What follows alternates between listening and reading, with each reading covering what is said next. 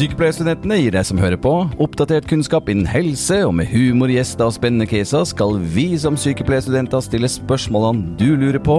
Vi tar opp ting forbundet med helse. Ja, velkommen. Velkommen. Anders, vi har klart eh, å komme til episode åtte. ja, og nå nærmer det seg veldig 1000 lyttere også. Ja, vi har fader, vi passerte 925 lyttere. Ja, ja. Det det er jo kjempegøy. Økning hver dag, så vi fortsetter eh, toget. Ja. Det, men hvordan har vi det, da? Nja Nå er det har du egentlig. Ja, fytti katta. Nei, nå er det jo eh, eksamen til tirsdag, og jeg er min første. Ja, jeg er på torsdag. Å, herlighet. Og viste jo åssen jeg tok eh, vaskebad i sengeleie, eller hva det heter. Altså, det Jeg kjenner at det, det er huh, Det er tøffe tak nå. Det, var, det var kjempemorsomt. Vi skulle ha framlegg av en film. Det var et kriterium at filmen skulle være Uh, ja, 10-15 minutter. Det, det er ikke vi som har luft i magen, men de driver og pusser opp rommet opp på andre sida av gangen, og det høres nok inn på podkasten. Men vi skulle lage film, uh, og så sier Anders uh, filmen er 24 minutter. og så tenkte jeg ja, det var gøy. Og så satte vi den på, og så var den 24 minutter. Og jeg tenkte bare å herligheten, skal vi Og vi hadde 30 minutter til presentasjonen, så Ja, ja, vi brukte alle, alle minuttene på en film, så vi hadde klippet etter alle kunstens regler. Vi hadde jo bomma på hele oppgaven, og det var jo det var helt sjanseløst. Ja, men, eh, men der er vi nå. Ja. Det, det er litt på halv tolv. Det er litt på halv tolv. Men begynner å nærme seg. Men det var en en student som sa at det var veldig gøy fordi at eh, det var, de trengte en, en god latter. Ja, ja, det var i hvert fall ikke noe akademisk. Nei, så det er, eh, det er veldig bra. Nå er vi liksom uh, gode litt. Vi må jo takke til lytterne og bare Og nå så jeg fleksisykkelpleiere hadde lagt ut på Insta Ja, også. shout-out eller sånn utropa om oss. Det var jo utrolig hyggelig. Så takk til USN uh, Fleksisykkelpleier. Ja, det er jo helt eh, klasse. Så det er jo bare å følge oss på Spotify, Ja. Apple Podcast og der det hører oss. Og så vil jeg rate Jeg ville rate oss for to stjerner i dag eh, med den der, med den der elektrikeren. Ja, elektrik som på bare vi Men vi er der det skjer. Det er, eh, I dag er elektriker ved sida. Ja. Så husk, eh, gå inn og følg Elektrikeren på Instagram. Jeg vet ikke hva han heter, men hvis vi, hvis vi hadde visst det, da. Men jeg tenkte på en ting. Fordi du sa det som jeg trodde var ereksjonsbok, men det var refleksjonsbok. Men du fikk aldri fortalt hva refleksjonsbok er for noe. Og ja, jeg ville, det jeg ville lansere en Ja, gang ja, i gamle dager, holdt jeg på å si. Ja. Og så jeg fortsatt ikke, ikke kommer til å gi meg på. Men det er jo min uh, greie. Det er at man eller, skriver en liten refleksjons... Litt som en dagbok. Etter en at man er ferdig på f.eks. praksis eller andre ting. Nettopp for å systematisere litt hva man har opplevd, og hva man uh, har lyst til å jobbe litt videre med. Lat som du ikke hører den lyden i bakgrunnen. Det går ja, greit det for meg. Ja, det går greit for meg. Jeg skal prøve ikke å henge Jeg opp i vet at det ikke går greit for deg. det går greiere for meg enn for deg. det Jeg driter i det, men du, du, du gjør ikke det. Jeg skal ut og snakke med det. Ja da, men det bringer oss over til neste punkt. Så mens, eh, mens vi eh, gjør det, så kan du tenke på at eh, kanskje du kan rate oss til tre, i hvert fall, siden Anders ikke bryr seg om den lyden.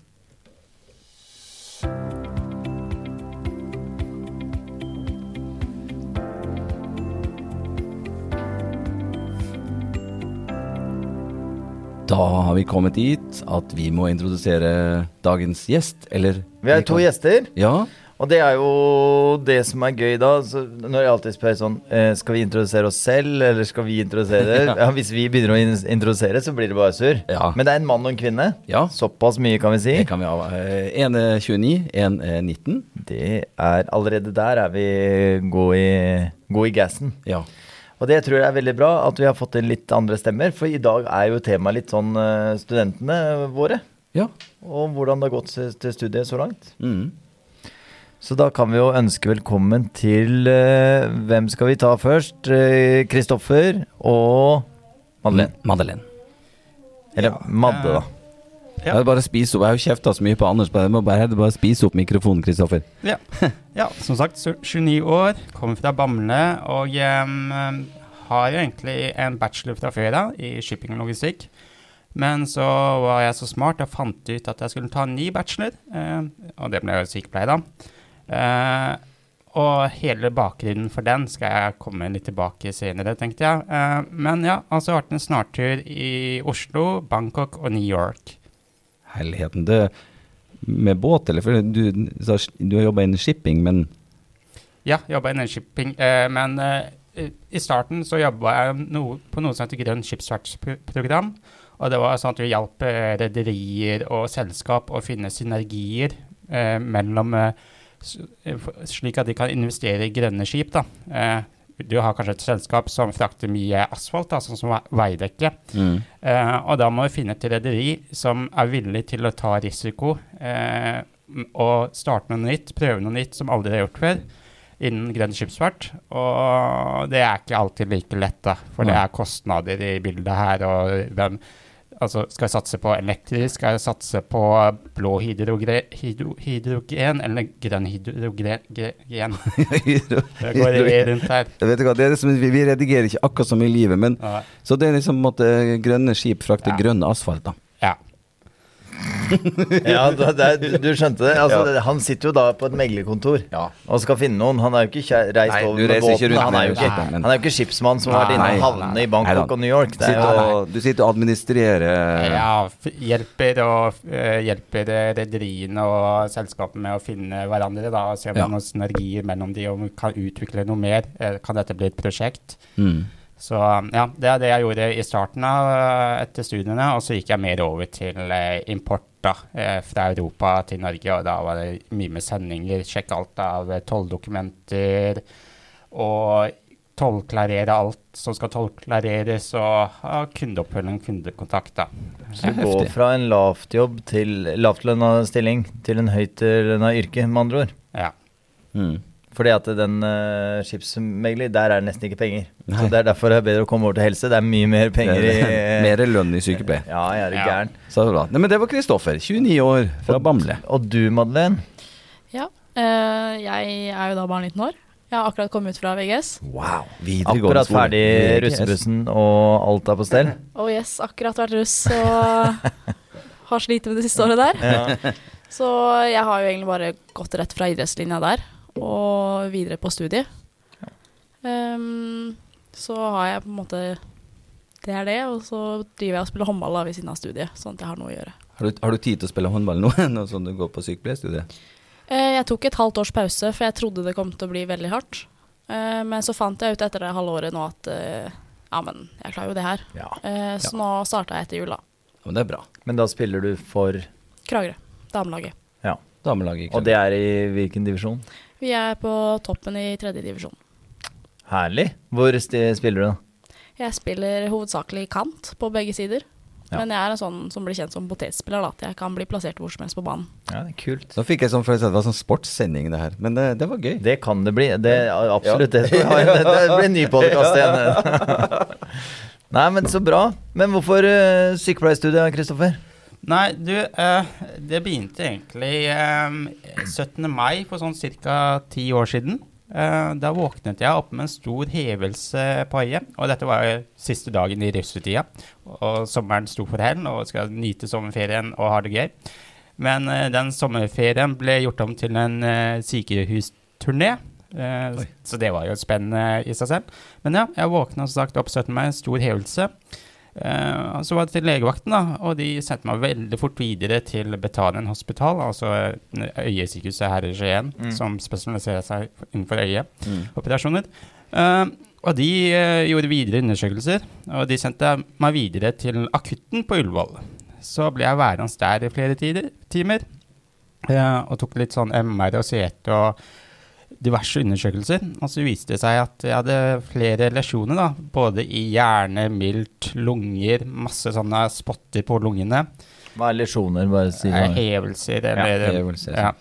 Uh, så, så, de var veldig usikre på hva dette var, da. Så jeg endte opp med at uh, de, de, på Ullevål trodde mest sannsynlig at det var kreft, så de sendte jo meg videre til uh, Radiumhospitalet. Og der ble jeg værende noen par uker.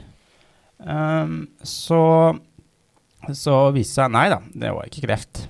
Så da, det var godt det, da. Ja, så da ble jeg sendt videre til eh, Rikshospitalet, og der eh, lo jeg ja, kanskje en og en halv måned, eh, og så var jeg litt ut og inn. Eh, men ja, til slutt da så var det ingen som greide å finne ut hva det var. De hadde masse Jeg tror de har gått gjennom syk, hele sykdomshistorieboken uten å finne noen holdepunkter.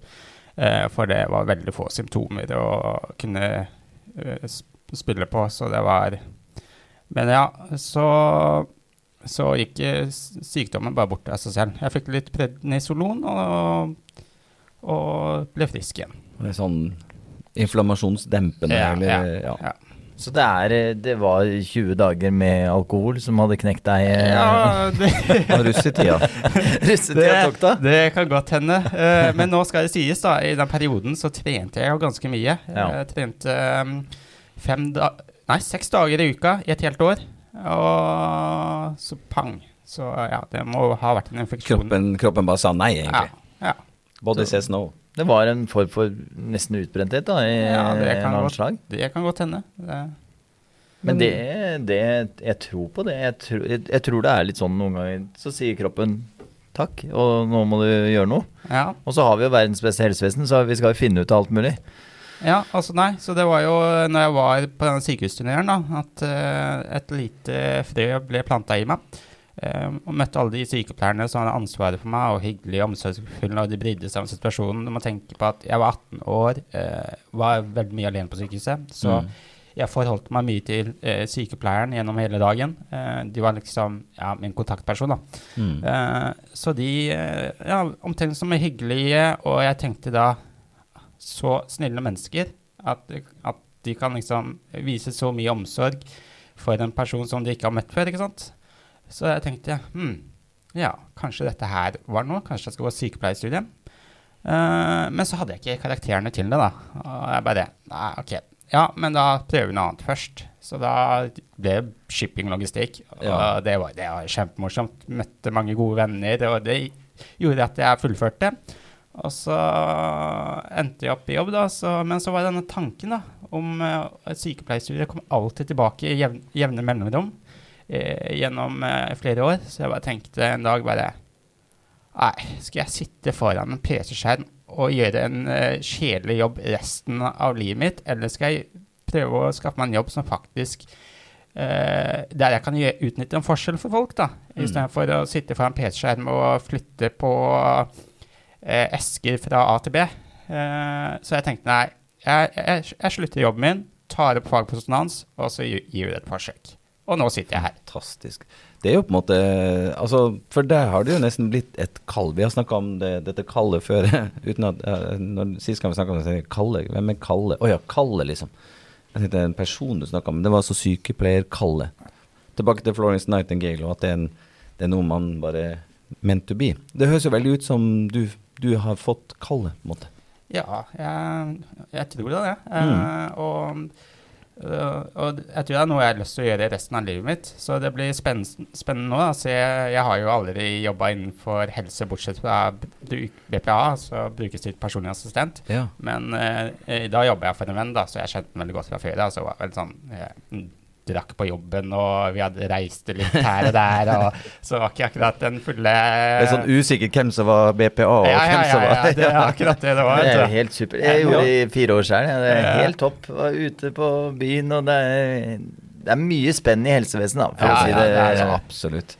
Fantastisk. Men det var litt om historien din. Men, så, jeg, ja, så er ikke jeg så glad i det kallet til Runar. Så det, er en jobb eh, på en måte, men vi jo, har jo Du skjønner jo frøet hans, ja, ja, jeg skjønner jo frøet til de, deg og til meg. Det er jo, det er jo et par Det er jo at man har lyst til å utforske, for det er enorme muligheter. Og så er det veldig lokalt. Det finnes mange ting du kan jobbe med, og så er det noe med Jeg er helt enig, er, de er jo engler i hvitt jeg er fortsatt overraska når jeg jobber på sykehuset, hvor mye fine folk som jobber der. Mm. Så det er veldig, veldig en fin greie. Ja. Du da, Madeleine. Hvorfor sykepleierstudiet? Rett fra russebussen og jeg, jeg, tror egentlig mest at det alltid ligger med at uh, jeg har alltid ønska det med å hjelpe mennesker. Uh, for sånn på, når vi gikk på videregående, da. Så den klassen vi hadde, hadde et veldig godt miljø, og vi var alltid vi sammen. Og vi var veldig masse på tur, men vi var jo alltid uheldige. Så det var jo ikke en tur uten at noen bomma med en kniv og Oi, der gikk tommelen. Ja, såpass, oi, Eh, hei. så det var litt sånn der eh, Hvis det først skjedde noe, så var det jo jeg som henta førstehjelpsskrinet, sto lappa sammen og Så jeg har på en måte alltid vært den som har kanskje hjelpe hvis det hadde skjedd noe. Eh, og jeg har alltid syntes det er en litt god følelse. Jeg trenger ikke å få noe tilbake, jeg bare vet at ok, nå går det greit. Og så har jo Jeg har jo familie rundt som jobber innenfor helse, spesielt mamma har jo starta på sykehuset.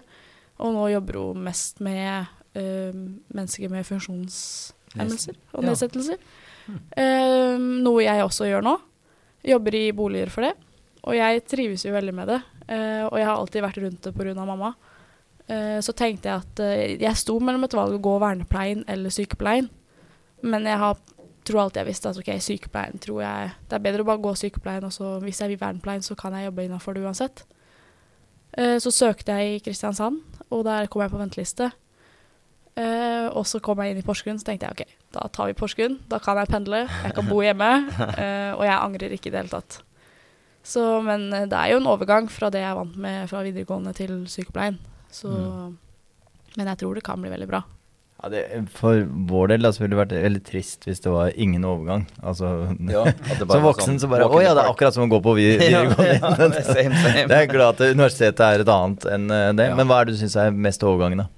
Eh, kanskje først og fremst eh, litt menneskene rundt også. Jeg kom jo nå akkurat fra en klasse hvor vi er Vi var 24 stykker på slutten. Alle var i samme kull. Vi var like gamle hele gjengen. Vi hadde en kontaktlærer, eh, og vi var jo ikke så veldig mange. Mens her så har du plutselig blitt putta inn med 140 mennesker du ikke vet hvem er.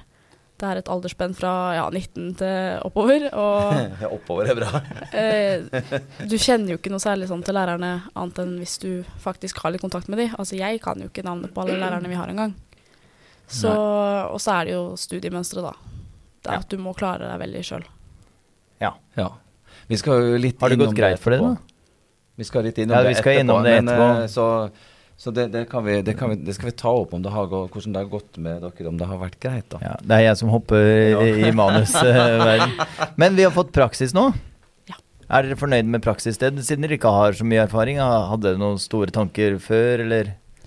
Nei, altså jeg vil egentlig ha i Bamble, og jeg fikk i Bamble. Og da tenker jeg med tanke på reisevei, eh, kortest mulig vei. Eh, og så har jeg hørt da at eh, Bamble helsehus er ganske bra sted å være på av eh, medstudenter som har jobba der. Så jeg ser ganske fram til å jobbe der og bli kjent med kollegaer og nye mennesker. For helsehus, er det sy og sykehjem? Ja, det er sykehjem, det er legevakt, det er sykehjem. Ja, samla på Ja, det Det er, er en sånn mellomstasjon, er det ikke det? Ja. Fram til du skal ut i eh, omsorgsbolig eller eh, eldrehjem, eller det kan også være at du er der fram til du skal få en avklart situasjon, da. Ja. mm, Spennende. da. Så du er fornøyd med å havne på Bamble helsehus? da? Ja, jeg vil si det. Eh, I hvert fall sånn som jeg har hørt, da, så kommer, kommer det nok til å bli ganske spennende. Å, så bra. Det, må vi, det, her, det betyr jo at vi må kanskje ha dere tilbake altså til høsten igjen, når vi kommer i gang. Altså, for å snakke om, eh, eller før sommeren, og bare hvordan har det Ja. i praksis. Det er litt rundt. Ja. Ja. Så, eh, dere er herved invitert, da. Hvis dere vil komme tilbake, da. Ja, ja, absolutt. Å, det er høres kjempegøy ut. Eh, enten så er jeg totalt knekt, eller så er jeg helt her oppe. Jeg har begynt å samle sammen sånne pappesker og flytte esker på skip. Det skip. går nok og, veldig bra, men det er mange som er nysgjerrig på, i hvert fall for øh, oss voksne da, som tar studiet, så har det alltid vært en sånn mystikk rundt at vi skal være tykere i praksis. Og man har hørt å nei, jeg kommer til, til, jeg kommer til å reise opp til Vinje, plutselig fikk jeg praksissted der, eller Og så har jeg skjønt at det, det er jo ikke sånn. Så det, jeg tror det er mange som er nysgjerrig på selve det med praksis og hvordan det Ja, for har foregått. hvor havna du, eller hvor har du blitt tildelt? Nei, jeg har øh, Bakkane bo- og behandlingssenter. Så altså, jeg hun, ja, øh, Kort vei fra hjemmet. Det er ikke 100 meter, men det er i hvert fall kort ja, vei. Kort vei. Så jeg er fornøyd. Det er i Skien. Og du, Amalie? Jeg havna i Kragerø, veldig fornøyd med det, på et sykehjem der. Ja. Eh, så det er jo kort vei fra både der jeg bor, men også hvor annet sted jeg kan sove. Og så det er jo veldig lettvint. Ja. Og det er treetasjes bygg, så jeg havna i første etasje. Og så er det to andre fra kullet som havna i både andre og tredje etasje. Ja. Så jeg tror det kan være veldig greit. Veldig fint. Er de fra Kragerø, de òg? Nei, jeg er den eneste fra Kragerø som studerer her oppe. Ja. Ja. Hørte dere det, folk i Kragerø her? Det bare kaste seg på. Ja, nå kom jeg på at det hadde egentlig vært litt ålreit å ha Kragerø på sommeren. Altså, jeg vet jo at det er ålreit her nede på sommeren, men eh, det er litt lang reisevei. Men du, Ja. da? Jo, jeg havna på eh, i hjemmetjenesten, da. I, i Larvik kommune. Så jeg skal være på eh, heter, Bil? Ja, bil. Ring 1 eller noe sånt. Da, så vi har litt eh, Ri en i, Larvik? Ja, det høres ut som det er Oslo, vet du. Come on! ja. Eh, Nei, det var ikke Ring 1. Det var, om det var Ring 3 eller jeg vet ikke. Ja. Men jeg skal i hvert fall være i en sånn hjemmetjenestesone, da, så vi skal Sone 1. Sone 1. Eh, Så, da, så det høres veldig spennende ut. Jeg, jeg tok kontakt med hun som er leder der, og så bare fikk vi litt info og sånt. Og da, da spurte jeg om jeg kunne få lov å komme på besøk i har, Uke 14 har vi sånn praksisforberedende. Så da ja, ja, hjertelig velkommen. Så da, da gleder jeg meg til det. Så håper jeg å få, få hilst på min veileder jeg skal ha i praksis. da. Så det er jo et tips til andre som eh, tar kontakt med, med veiledere. Og praksis det? Ja, ja absolutt. Og bare si hei, da. Istedenfor å vente helt til du skal ha første dag, liksom. Det er jo som en vanlig jobb, det. Ja. Introdusere seg, si hei og lodde stemninga litt. Mm. Nei, så jeg gleder meg veldig til Så vi har fått av sykehjem, sykehjem, sykehjem, hjemmetjenesten. Ja. Ja. Og så var det også litt artig, for jeg har jo ikke noe erfaring med hjemmetjenesten. Jeg har jobba litt på sykehjem med to ulike. Eh, somatisk avdeling og så et annet sykehjem på en Det er demensavdeling. somatisk. Somatisk er mer, nesten som et lite sykehus, da. Altså det er jo mye eh, der, er det, der kan det være både utlagt uh, tarm, utlagt urinrør og det kan være ja, sånn urostomi. Det har ikke vært borti. Eh, Nei, det er masse, altså det, det, så det, det er nesten som et lite sykehus, da. Og Ja. det sa jo de som jobba der. Her er et sånn minisykehus. og er eh, kan, Du kan si somatisk avdeling har litt sånn takheis og ja, mye sånne En annen tilrettelegging kanskje en demensavdeling har, da.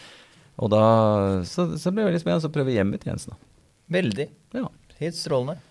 Så vi må catche opp etter praksis. må vi ha en episode. Får vi catche opp hvordan vi har hatt det i praksis, for det, det blir gøy. Men da er vi fornøyd foreløpig, så det er jo helt strålende.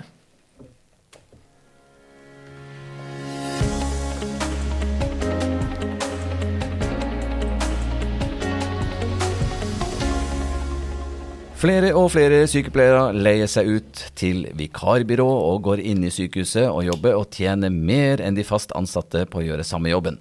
Vår helseminister eh, Ingvild Kjerkol eh, kaller det en kjempeutfordring, og sier at eh, dette her utfordrer norsk arbeidslivsmodell.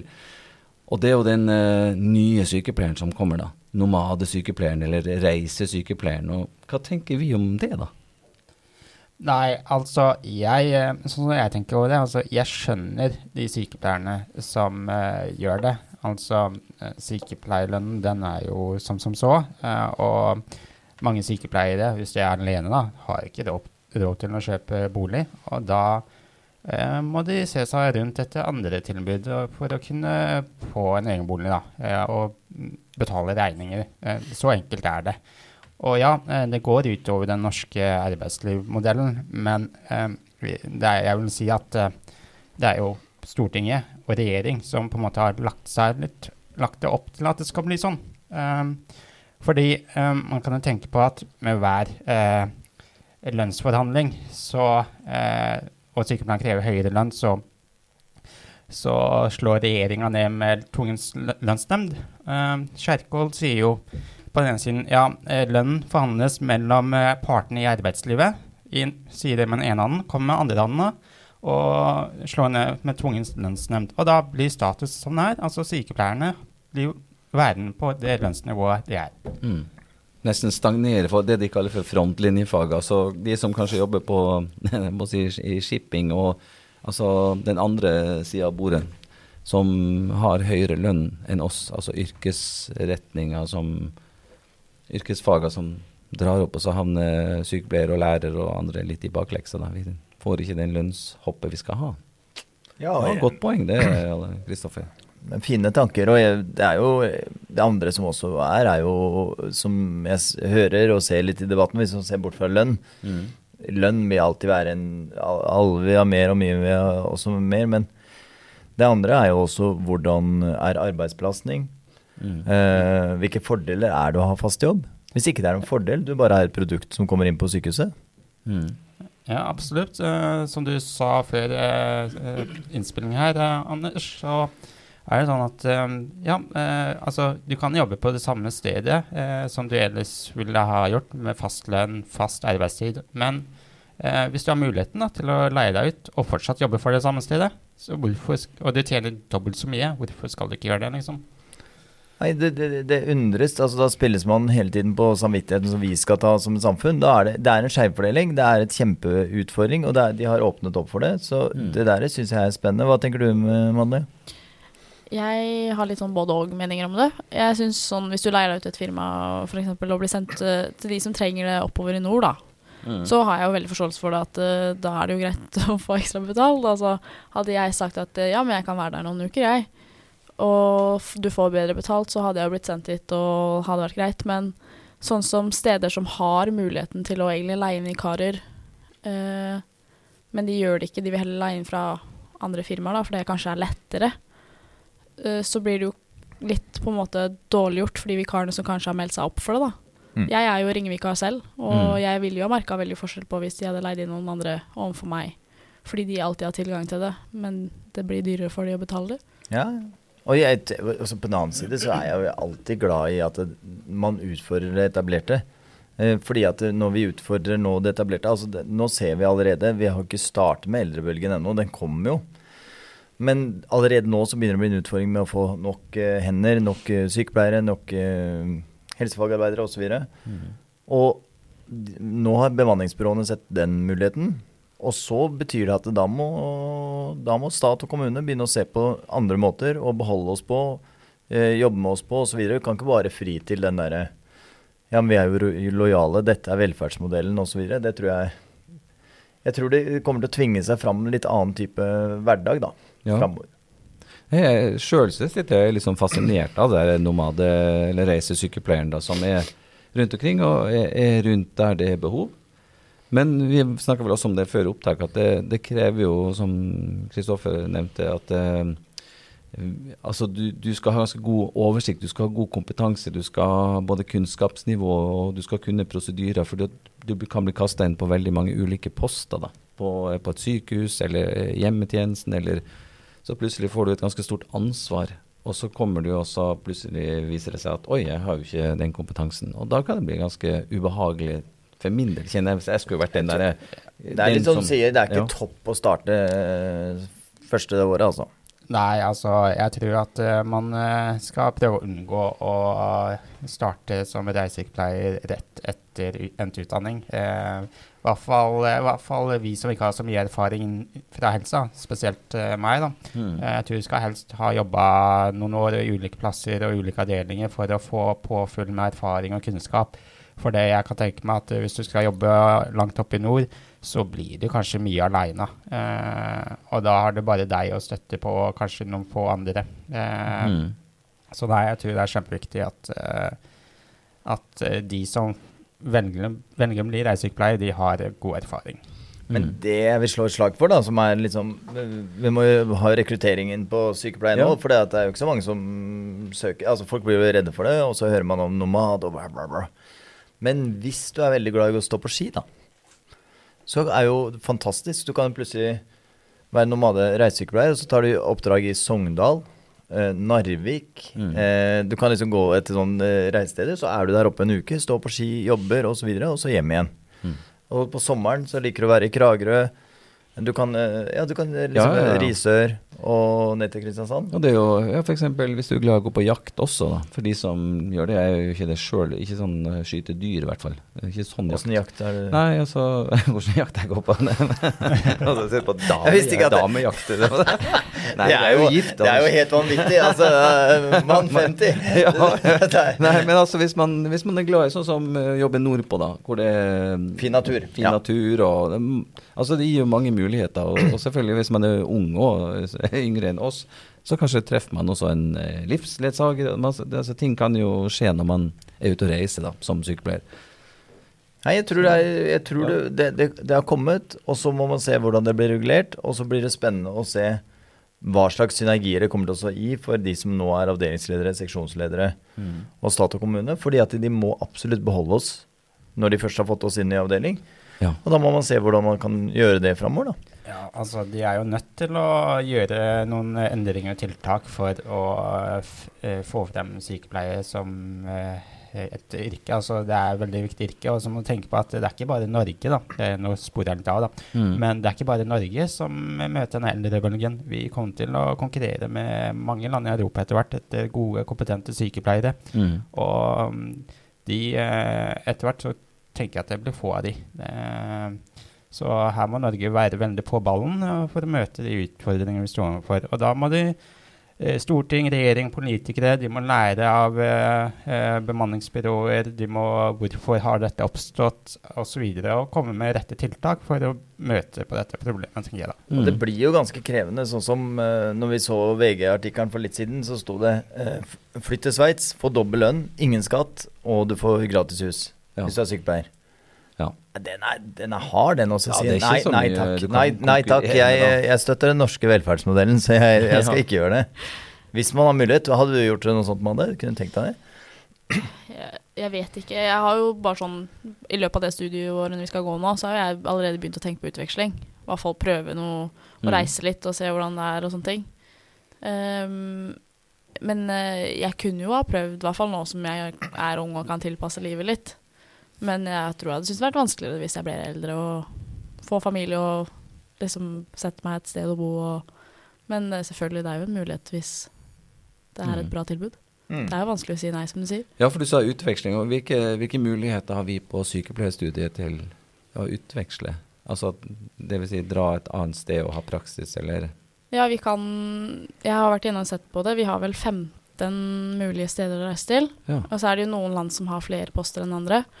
Ehm, men uh, det er jo min, minst tre måneder man kan være vekk. Og så det kanskje et helt semester òg, eller? Ja, jeg tror det er fra minst tre og så oppover litt. Grann. Mm. Uh, så jeg har jo tenkt på Madagaskar. Ja, det høres jo ganske det er ganske fantastisk det. det. Kan ikke gå på ski der. Og så er det sånn, vi er blitt for gamle, så, så, så allerede nå så bare Ja, men så gjør det. For guds skyld, gjør det. Ja. Kom deg av gårde.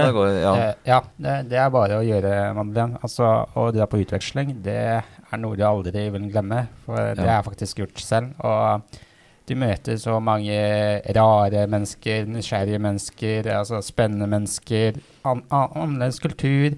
Du får eh, nye innblikk, og det er, det er bare sånn Og du møter nye venner for livet, så du liksom Hjernen blir veldig stimulert, da, vil jeg Ja. si. Den eh, er veldig, Det er veldig bare kaste positivt. seg, kaste seg på. Jeg har jo en tatovering som sier 'one day' or 'day one'. Og du kan tenke på det, så blir du like gammel som uh, Anders, eller like gammel som meg. Og så tenker du bare nei, vet du hva, gjør det. Bare ta Det blir dag én. Meld deg på eh, Madagaskar-turen, og så ta utveksling der. Det høres jo vanvittig kult ut. Det, heldigvis så skal du ta det valget selv. Men det var våre tips. Ja, det Tre var- unisone tips. Ja, det var kanskje ikke sånn. Det var ikke tips, det var en formaning. Ja, men så bra. Ja, Men altså, det er jo ingen tvil om at uh, vi har litt sånn uh, utfordringer i helsevesenet i Norge. Det er, vi, plutselig så savner vi hender fordi at andre land eh, har bruk for sine egne hender. Så at sykepleiere som kommer fra andre europeiske eller uh, land, drar tilbake og jobber i sitt hjemland. Og da er det jo en kar som skrev i Sykepleien, en Rolf André Oksholm. Han er sykepleier og eh, tillitsvalgt eh, og sitter som forbundsstyremedlem i Helse Sør-Øst og i Norsk Sykepleierforbund. Han nevnte bl.a. en, en telemarkskommune som har sett seg nødt til å benytte vikarbyrå for å løse det her med rekruttering av sykepleier. Saken handler jo i første eh, øyekast, eh, som han sier, om at en sykepleier som tjener 805, eh, 840 000 ved å jobbe i byrå, er liksom mye. Men så sier jo han her også om at han er ikke så imponert av at man oppnår 800 000 pluss, fordi man jobber jo mye overtid. Og så mest sannsynlig mener han da at man har en elendig pensjonsordning. Og så er det jo det med hvis du er um, ja, sånn innleid sykepleier og ikke har noe fast, hvis du blir syk, du har ikke noe trygderettighet, og så en annen ting er jo det at eh, overtidsbetaling gir jo ikke pensjonspoeng heller. Sånn at eh, eh, Ja, så Men han her også sier jo at det det er noe som er viktig hvis man skal løse eh, det, det sykepleierblemma som er i ferd med å blåse seg opp og bli som et ødem. Sykepleierødem. Det er i ferd med å hovne opp her. Han sier at lønn er rekrutterende, og så sier han at eh, mange ønsker seg fleksibilitet i hverdagen. Det kan man jo få med å være reisesykepleier, da. Men så han kommer liksom med løsninger i Det er lest i sykepleien altså siste sykepleien som kom ut nå, så står den vel der, tenker jeg. I hvert fall står den på nett.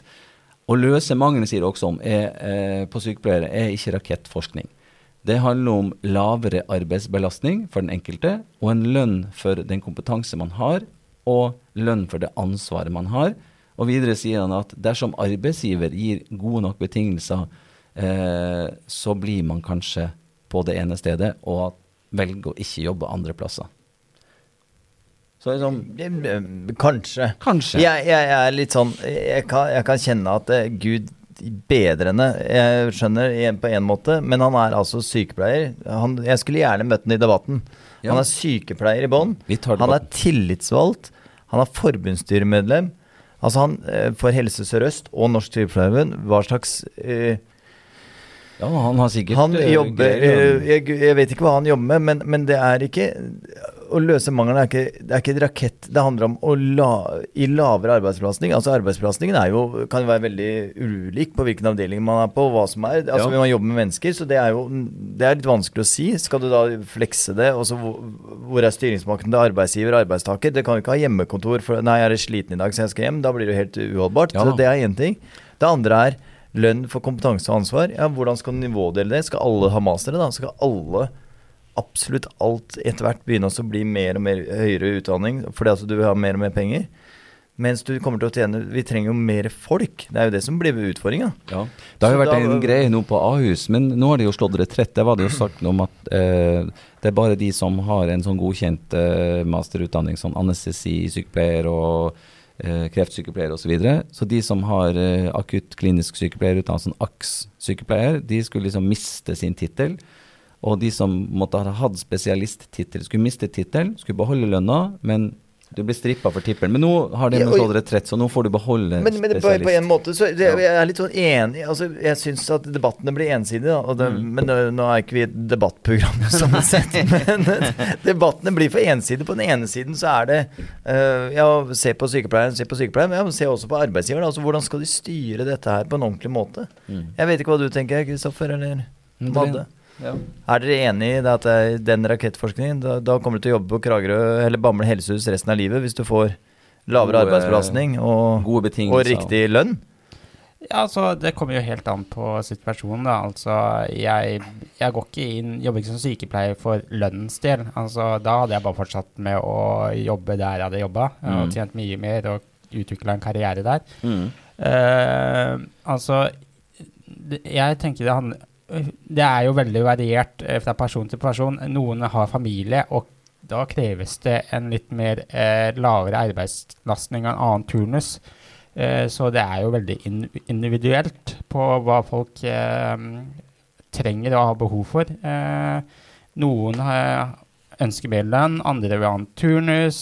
Så ja, jeg tror det. Altså, det blir ve veldig vanskelig å finne et sånt generelt svar på dette mm. spørsmålet. Det er, ikke, det er, ikke, bare å si at, uh, at uh, ja, man må gjøre det mer fleksibelt, høyere lønn. Altså, det er veldig individuelt. Og jeg tror det er en, en, en, en problemstilling som kommer til å gi hodebry for eh, mange regjeringer fremover. Altså, jeg, mm. Det blir veldig vanskelig å løse, sånn som jeg ser det. Ja, også det med arbeidsbelastning. For jeg har, jeg har jobba litt i, innenfor rusomsorg. Um, og um, altså det, der er det noen som syns det er krevende å jobbe på én avdeling, som jeg syns er helt topp.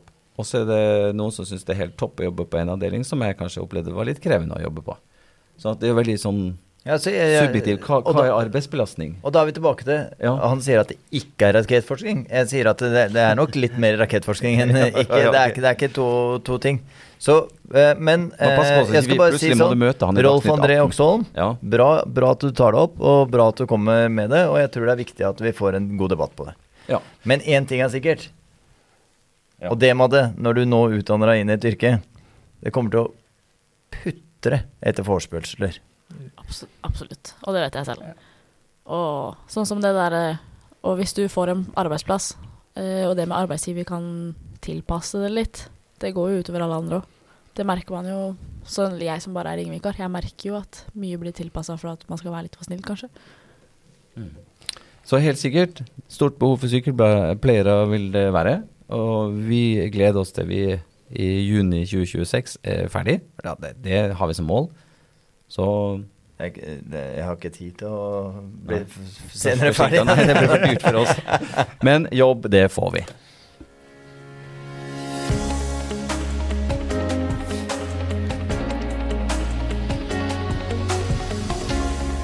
Midtveis evaluering. Vi er ca. midtveis i første studio, vi nå. Sånn ish. Ja. Kanskje nesten mot slutten. Litt over. Føles ut som jeg er ferdig for lenge siden, så det er jo greit. Ja, hvordan har det vært eh, første semesteret, Madeleine? Nei, eh, jeg tror jeg tok det litt eh, slappere enn jeg burde ha gjort det. Eh, for jeg var litt sånn Oi, vi har jo kjempegod tid. Anatomien er ikke før i desember, og vi starta i august. Og, og så er litt sånn Oi, nå er den der. Eh, men eh, samtidig så har det gått greit. Jeg syns førstesemesteret var mye mer behagelig, da. For det var det litt mer Du kunne velge litt selv, og eh, var ikke så veldig mye obligatorisk. Uh, Starta ganske bra med å sette meg ned med den anatomien, da. Um, og det har jo vært greit, men det skulle gjerne ha gått bedre, altså. Men uh, ja. Det har blitt som det har blitt. Det har blitt som blitt A eller E. Like god for det. det Ja, det, og jeg vet ikke om det er A eller E eller F eller uh, hvor det er. Gikk det greit for deg? Det Jeg har ikke stryket på noen ting, Nei, det er bra. så jeg er fornøyd med det, i hvert fall. Jeg er med videre. Da er du i gang. Ja, første semester ditt, eh, Kristoffer. Ja, um, det var egentlig rett på når vi starta i august. Veldig mye jobbing. Uh, jeg var helt sånn uh, Når jeg hørte om uh, hvor mange som strøk på anatomien, så var, var jeg helt der oppe. Jeg bare Nei, jeg skal ikke bli en av de som stryker, så jeg jobba fra dag én og jobba meg jevnt og trøtt fram til anatomieksamen. Eh, så nei, så jeg vil si at dette Og du strøyk. Ja, absolutt. Ja, ja, ja, ja, ja. Eh, Så klart, det gjorde jeg. Det er ikke noe tvil om. Jobba jevnt og trutt, men allikevel strøyk jeg bare. Ja ja, sånn er det. Nei, men eh, jeg syns dette semesteret her har vært eh, Første semester det var egentlig ganske deilig. Altså, vi hadde mye eh, egne studiedager, og det syns jeg er kjempefint. Eh, Fordi eh, jeg personlig lærer ingenting av å sitte i forelesning. Jeg lærer selv av å sitte og jobbe med stoffet selv. Eh, så er det andre som lærer med å være forelesning. Men eh, eh, sånn sett, jeg syns forelesning er ja, sånn som så, og det kommer veldig an på hvilken foreleser du har, osv. Ja. Eh, men ja, hvis jeg skulle sammenligne med forrige studiet mitt, så er sykepleierstudiet mye mer krevende studie å gå på enn det jeg gikk på. Det studiet jeg gikk på, altså shipping og logistikk, det var jo ja, Du trengte ikke lese nesten. altså. Det var, det var å surfe seg gjennom, og så får du gode karakterer, liksom. ja. Har dere lagt dere eh, noen gode studio, ikke studioteknikk til det vi har nå, men studieteknikker, Madeleine f.eks. Har du noen bra tips som du har brukt sjøl? Eh, jeg har egentlig skrevet veldig mye for hånd. Jeg eh, er ikke så glad i å sitte og skrive på PC, for da føler jeg bare at jeg skriver, og så leser jeg gjennom, så blir det sånn Oi, har jeg skrevet det? Så bok har blitt veldig mye brukt hos meg. Eh, Starta også å bruke mest eh, eller menneskekroppboka på anatomien, men den skjønte jeg at den er jo kjempevanskelig, egentlig. Den brukes vel også på medisinstudiet, tror jeg. Den menneskekroppen, hvis jeg ikke tar helt feil. Ja, det kan fort hende. Men jeg skjønte til slutt at den medisin, den må jeg få brukt, altså. For det Ja. Jeg hører du, Nils Kristian. Vi må bruke medisin. Ja. Ja, det har jo vært en eh, gave for uh, veldig, veldig mange, og det er veldig fin å bruke sammen med boka også, opplever jeg i hvert fall. Mm.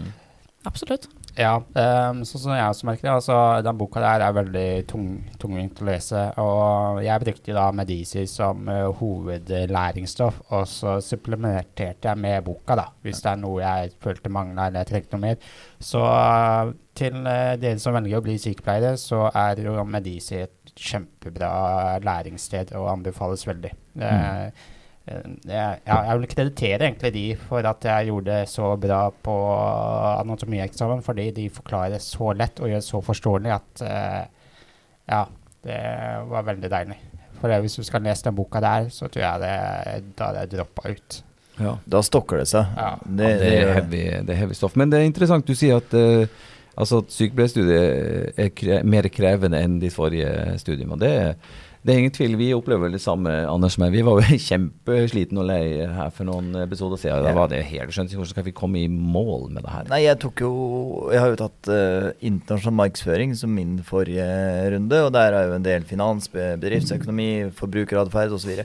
Men det her, her sånn, det som kanskje jeg syns er vanskelig, er nettopp det som vi ser her. at det, å ja, du har pankras. Ja, det, altså det, er ikke, det, er ikke, et ord i vanlig hverdag. Og så, så, er det ikke heller noe du kan Ja, jeg tenker litt sånn logisk, så er det nok at det er noen sånn langhalske øyer og noe sånt. Altså det er, det er, ikke Det er ingenting i liksom Nei, Det er ikke et skatteparadis. Du, du, har ikke noen sånne um, referansepunkter, så alt, du må bygge opp den verden selv. Da. Og det syns jeg Medici var gode på å få, få litt inn, da. Mm. Veldig bra. Vi har jo eh, lært utrolig mye på veldig kort tid. Ja, Men hva er dere Er dere liksom fornøyd? Syns dere det har vært grei progresjon på studiet? Eh, ja, meg personlig eh, så mm, ja, har jeg har vært fornøyd med min innsats, men eh, annet kan sies om eh, hvordan ting er lagt opp, da. Eh, mm. men det er jo en evig diskusjon, da. Så, men altså sånn personlig så syns jeg det har gått veldig fint, og jeg har så å si fått til det jeg hadde lyst å få til. Uh, men uh, jeg merker nå, da, nå som vi er over halvveis, at uh, det begynner å stagnere litt. Altså man begynner å få den derre åh, nei, orker ikke, gidder ikke. følelsen, altså. Mm. For det er, det er, så sykt mye vi skal lære på så kort tid. Og så har vi det metodeeksamen nå, altså sykdomslæreeksamen som mm. jeg så, har så vidt startet på. ikke sant? Så det er uh, utrolig mye. Så det Men man må bare jobbe seg gjennom vanskelige tider. Uh, jeg, jeg, visste jo sånn sett også at uh, det kommer ikke til å bli noe lett studie. det er det er bare å jobbe seg gjennom det og så stå i det og så håpe at vi kommer like hel igjennom på andre siden. Mm. Ja. Jeg vet kanskje selv at jeg ikke har gjort det så bra som jeg burde.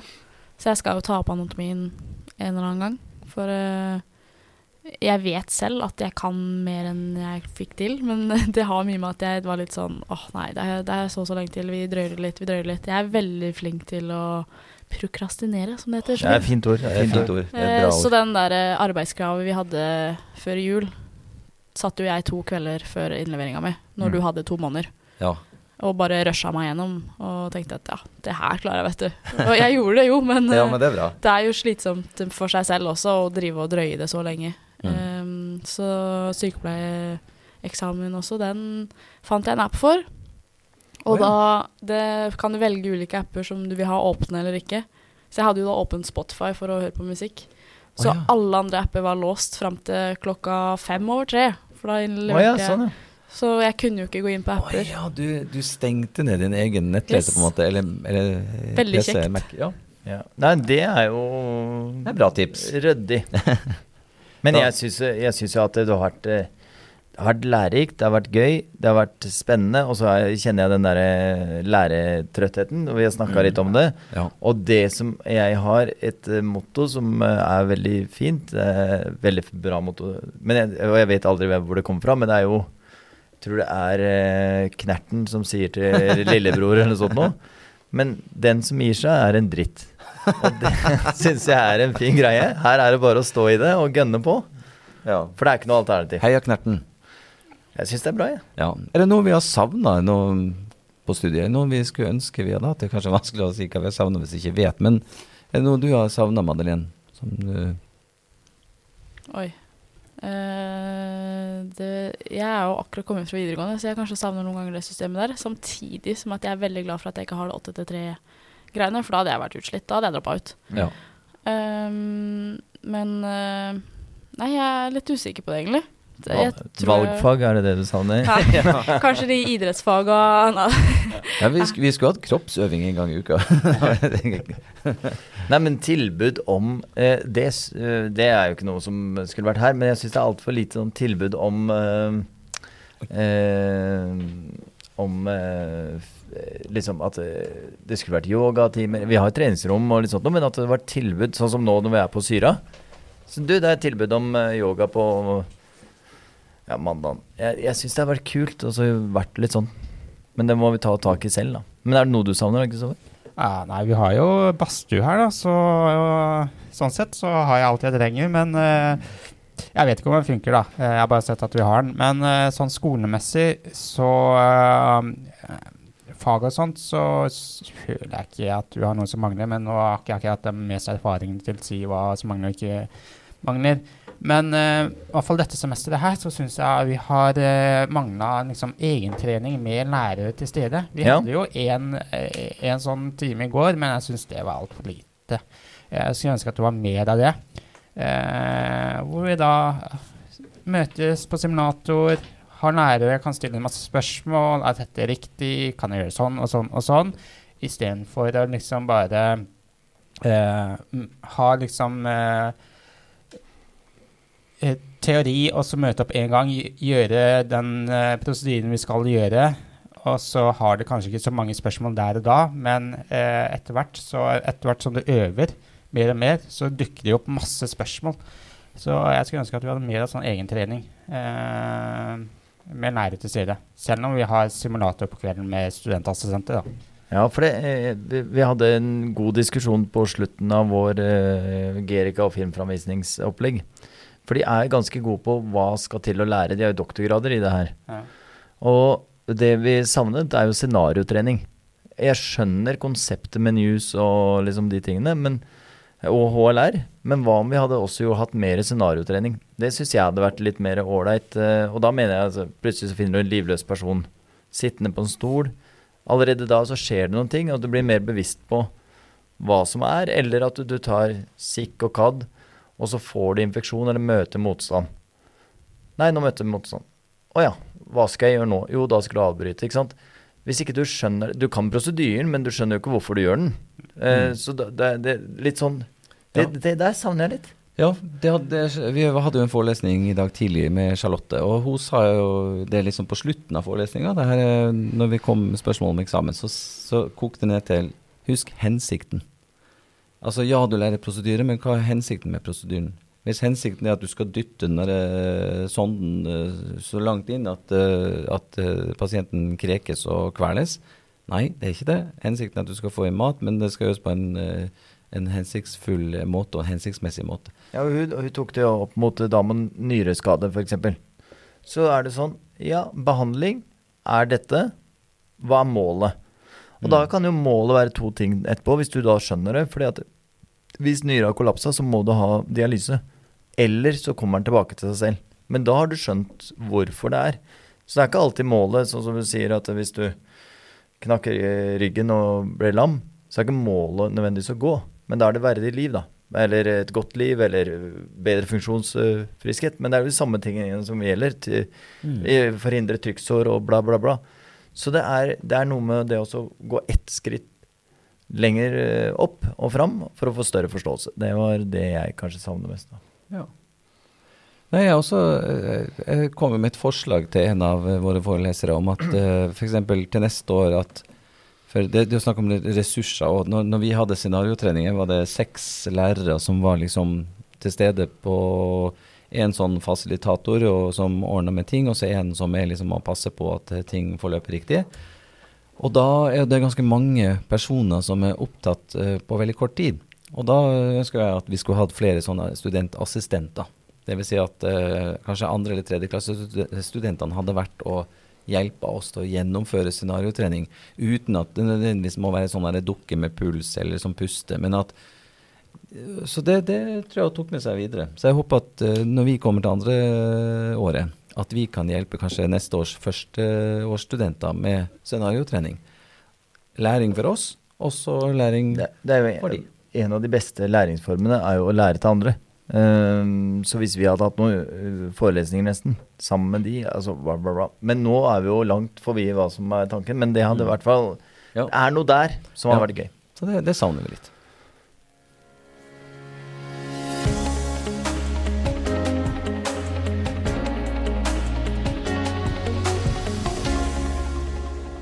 Anders, helsemålene våre, hvordan går det? Jeg blir eh, Jeg lener meg fra. Jeg er helt eh, enig med Madde. Sommeren ser langt fram ut her. Det Det, du har ikke Jeg- gått noe Vil du vise noen steg på hendene her nå? Nei, vi skal ikke vise noen steg, men jeg kommer opp. Eh, men det, det å komme opp og gå eh, det, Altså det å finne opp, finne balanse og gå Det å finne balanse, det er Når du ikke har gjort det så mye, det er altså så Der har jeg undervurdert hvor vanskelig det er. Ja, det er jo det med inversjon. Det er når hodet kommer lavere enn eh, på si kroppen. Det, det, det skjer Også noe som er ja, der, og- Gyrosystemet blir jo helt flippa. Klarer, du, klarer noen av dere det? Å gå på hendene. Nei, jeg sto litt på hodet i koronaen, men uh, ikke noe særlig. Men Jeg tror alt sto på hodet i koronaen. men det er bra. Du har stått litt på hodet, men det, det er bra. Ja, så vi er i hvert fall Nei, så det, jeg, eh, jeg har trua. Ja. Uh, innen sommeren så skal jeg klare det, men det er Eh, Ja, det er jo grunnen til at det er et mål. Det er krevende. Ja, det er et mål. Man, det er ikke nødvendigvis som at man, man når det selv om det er et mål. Men jeg, jeg ser for min del så det Jeg tok ti solhilsener i dag tidlig. Jeg tenkte, åh, det, det er 30 til, så er jeg på 40, og så skal jeg jo Men det som er gøy med de solhilsene det er jo, Nå har alle begynt å spørre om vi kan komme på Instagram og vise hva en Ja, solhilsen er. De- at, må- må eh, filme han må jo filme hva det er, for det, Ja. det er jo Det er jo så alternativt at det går jo ikke an å henge med. Altså, hadde det vært det hadde vært 50 pushups, så alle vet hva 50 pushups er. Men eh, det er 108 solhilsen på rad, og så ser jeg ja, hva er en solhilsen, og så så jeg på eh, Hvor mange bevegelser var det? 12? 12 i én. 12 i én. ja, ikke sant. Så det blir jo Og, og da, og, og det er ikke alternativt. Det vil jeg si er alternativt. Eh, altså, Jeg vet ikke hvor lenge man har holdt på med crossfit, men uh, solhilsen har holdt på i et par tusen år, da. Altså, så det er jo, en, det er noe som har skjedd. ja, men det er jo alternativt i vår hverdag, hverdagssnakk. Altså, før, før var det jo ikke treningsstudio, det var bare, det var bare Det var solhilsen. bare. Men, Nei, så det eh, der ja. Det må vi filme ut hva en solhilsen er, så kan jo folk eh, gønne på selv. Ja. Men har dere noen, da? Eh, nei, eller jeg, jeg har jo på en måte alltid noe. Jeg er vant til å sette mål for hver halv sesong pga. på grunn av idrettslinje, jeg. ja, ikke sant. Men eh, jeg tror for min del så blir det, hvis det blir opprykk for håndballen, det å få tilbake den styrken jeg har hatt før. Mm. Og kondisjonen må opp. Så det blir mm, nok mye intervalløping. Kondi- Kondisjonstrening. Ja. Men hel helsetips, har du det, da? Et godt, vi har jo fått drikke vann, og vi har eh, Ja, for meg så tror jeg det er mye mer å bare være i en kanskje sosial aktivitet. Det å faktisk omgås med litt mennesker som alle er interessert i det samme. Ja. For hvis du har en dårlig dag, så er det kanskje noen som har en bra dag, og det hjelper veldig på humøret. Fremfor å kanskje reise på trening når, når du er litt lei deg, da. Så hjelper jo ikke det kanskje for alle. Nei. Så sosialt aktivitet. Sosial aktivitet. Fint. Det er veldig fint. Helsemålet ditt Kristoffer? Altså, jeg har jo sagt siden sommer at jeg skal begynne Hvilket år? Sommer, ja. sommer 2022? Nei, eh, sommer 2023. Ok, eh, ja. eh, egentlig før det også, men ja, vi sier da. Eh, nei, jeg har jo hatt som helsemål egentlig starte å trene styrke igjen, men eh, se hvordan det har gått. Jeg har ikke fått meldt meg inn i et studio enda, og, og ikke ta egen initiativ til å gjøre det hjemme heller, så Men det liksom det, jeg kommer på unnskyldninger hele tida. Men jeg har så mye å gjøre nå, jeg må gjøre ditten og datten. Jeg har ikke tid til å gjøre det. Det blir bare én ting jeg må gjøre i hverdagen som jeg må presse inn i et veldig teit uh, timeplan. Sånn Så pro prokrastinerer? ja, prokrastinerer. Jeg har prokrastinert helt siden sommeren. Uh, men ja, nei. Uh, så ja, jeg kan si at helsemålet mitt for dette året er at jeg skal starte å trene. Ja, men det er bra. Det er bra, det er bra mål. Ja. Det får være bra nok. Jeg fikk på pukkelen fordi at jeg var litt utydelig, men, eh, men innen utgangen av 2024 så skal du ha starta på treningsstudiet. Ja. Ja. Det syns jeg er et eh, fint mål. Og så har jeg da, litt sånn som vi sa til Madde i stad, men det fins et treningsrom her. Og det koster visst bare sånn 400 kroner! 400 kroner i året. det, det går ikke av. Det, det, ikke kan man ha dårlig råd, ikke kan man ha en god unnskyldning. Altså det, jeg kan vise deg etterpå, hvis Ja. du vil. Bare, du tar bare et bilde av det, og så betaler du inn en sum, og så har du tilgang til et treningsrom på studentkortet ditt. Det koster ca. én databrus i måneden. Men igjen, vi sier som vi sa til Madde, for guds skyld, velg å ikke dra til Madagaskar. Ikke starte å trene. Altså, det går helt fint, men det er en hyggelig ja, eh, påminnelse om at det kan være lurt. det kan være lurt. Men helsetips, da? Noe bra som Du har jo en sykdomshistorie som gjorde at du tok det her valget Jeg skal ikke si at det var et kall, men du tok valget om at nå skal jeg gi noe tilbake, og jeg skal bli en sånn, sånn som de som har vært så fine med meg, da. Så Ja, altså helsetips Altså mm, Jeg følger ikke noe særlig helsetips selv. Altså, jeg tenker at man må egentlig Trening kan jo være så mye. Altså, det trenger ikke være direkte trening, bare så lenge du holder deg i aktivitet. Gå turer, eh, finne på sosialt med venner eh, osv. Så, eh, så jeg tenkte at eh, Vær deg selv, men eh, Og gjør liksom noe som gjør deg glad, da. Eh, Mm. For det er veldig viktig for psyken, da.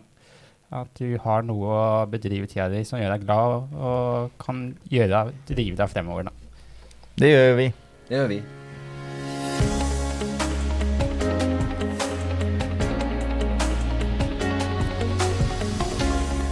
Vi får jo kombinert både vann, være sosial, eh, le litt. eh, ja, vi får egentlig kombinert ganske mange helsetips når vi lager podkast som vi syns er veldig gøy, da. Ja, det syns vi er veldig gøy. Ja. Og nå har vi jo kommet dit at uh, vi skal begynne å varve ned dette programmet her. Vi nærmer oss snart 35 minutter, sånn som vi har, har som intensjon. Kanskje vi enda, men det er et mål. Det er ikke sikkert. Jeg vet ikke om de nye episodene begynner å bli en time. Jeg er ferdig med det. Begynner å bli varm i trøya. Ja, det er kjempebra. Men, eh, men nå, nå skal vi prøve å lande denne episoden her med og Det har jo vært helt nydelig å ha besøk av Madeleine og Kristoffer, da. Ja, jeg er veldig glad for at dere kom, og, og så er det fint å få litt andre stemmer. Litt på om vi sitter i vår egen verden, eller om man opplever det samme. Og litt gode diskusjoner.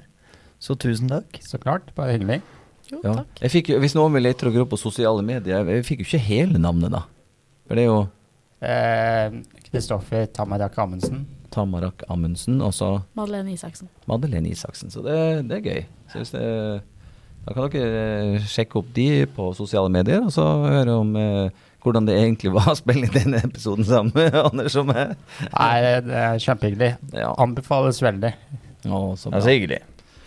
Det er bra. Vi har en episode til nå neste runde. Ja, vi har vært i kontakt med en eh, kar som jobber på USN, som eh, universitetslektor oppe på Bakkenteigen-sida av fylket vårt. da. Eller nå, nå, nå er ikke fylket vårt lenger, nå er vi jo delt, men i Vestfold, da. Før Ja. var det Vestfold-Telemark, så jeg henger litt igjen. Nei, da er Dag Korseth som er lektor der, og han har jo siden 1994 jobba med sykepleierutdanning. da. Så vi har et håp om at vi skal få til en prat med han eh, til neste episode. Ja, Og hvis ikke han kommer, så kommer en annen. Ja, Er det sånn? og da kommer Dag litt seinere. Men eh, Ja, ja. målet vårt er at vi, vi skal Det løser seg nok. få en prat med han. Så da må vi bare si tusen takk for uh, følget. Vi eh, er strålende fornøyd, Anders. Veldig. Ingenting du vil si på tampen? Gleder meg til neste gang, og gleder meg til å vise Kristoffer treningsrommet nå. Ja. Og så må vi spille inn sånn solhilsen. Den kommer ut på Instagram plutselig. Ja. Du har hørt en podkast fra Sykepleierstudentene, produsert i studio på Universitetet Sørøst-Norge. Jeg heter Anders Haks. Jeg heter Rune Pedersen. Vi ønsker deg god helse.